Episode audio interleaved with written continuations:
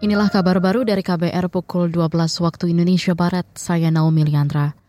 Presiden Joko Widodo melakukan peletakan batu pertama pembangunan Nusantara Logistic Hub and Services hasil kerjasama antara Pos Indonesia dan PT Bina Karya Persero di ibu kota Nusantara, Kalimantan Timur. Jokowi mengklaim kehadiran perusahaan jasa logistik di IKN sangat dibutuhkan sejalan dengan padatnya kegiatan yang ada di sana. Dan semakin banyaknya aktivitas pergerakan orang, pergerakan utama ke IKN, dari dan ke IKN. Apalagi menjelang penyiapan beroperasinya berbagai usaha kantor-kantor yang ada di IKN.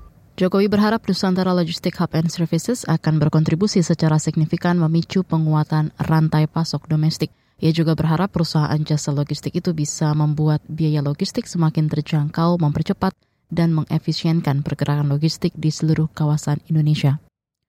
Komisi Nasional Hak Asasi Manusia Komnas HAM menentang kriminalisasi terhadap pejuang lingkungan hidup. Ini disampaikan Komisioner Pengkajian dan Penelitian Komnas HAM Saurlin P. Menanggapi beberapa aktivis yang memperjuangkan isu lingkungan berakhir dipolisikan – antara lain Bambang Hero, Haris Azhar, dan Fatia Maulidianti.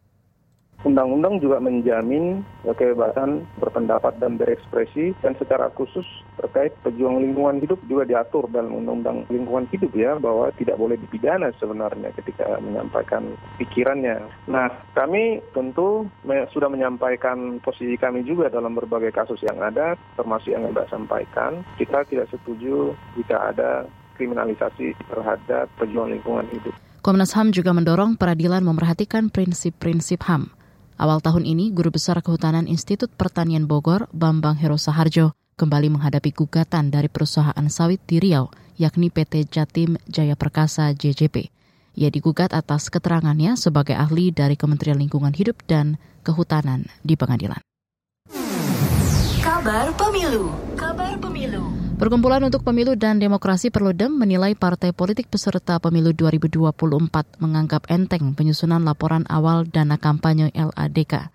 Peneliti Perludem, Kavi Adlan Hafiz, mengatakan hal itu ditandai dengan LADK 18 partai politik yang dikembalikan KPU lantaran hingga batas waktu 7 Januari. Laporan belum lengkap dan sesuai.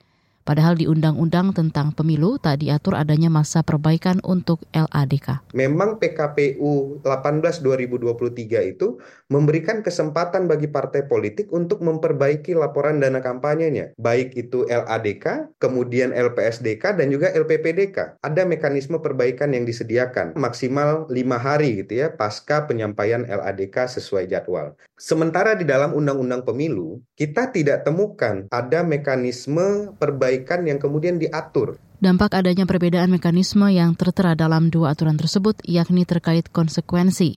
Jika LADK partai politik belum lengkap sampai batas waktu yang diberikan. Harusnya menurut Kavi, partai politik mendapat sanksi diskualifikasi karena LADK-nya tidak lengkap sampai 7 Januari. Sementara jika merujuk pada peraturan KPU nomor 18 tahun 2023, Partai politik masih diberi kesempatan untuk memperbaiki LADK sehingga tak berujung pada pembatalan kepersetaan. Saudara demikian kabar baru dari KBR pukul 12 waktu Indonesia Barat. Saya Naomi undur diri.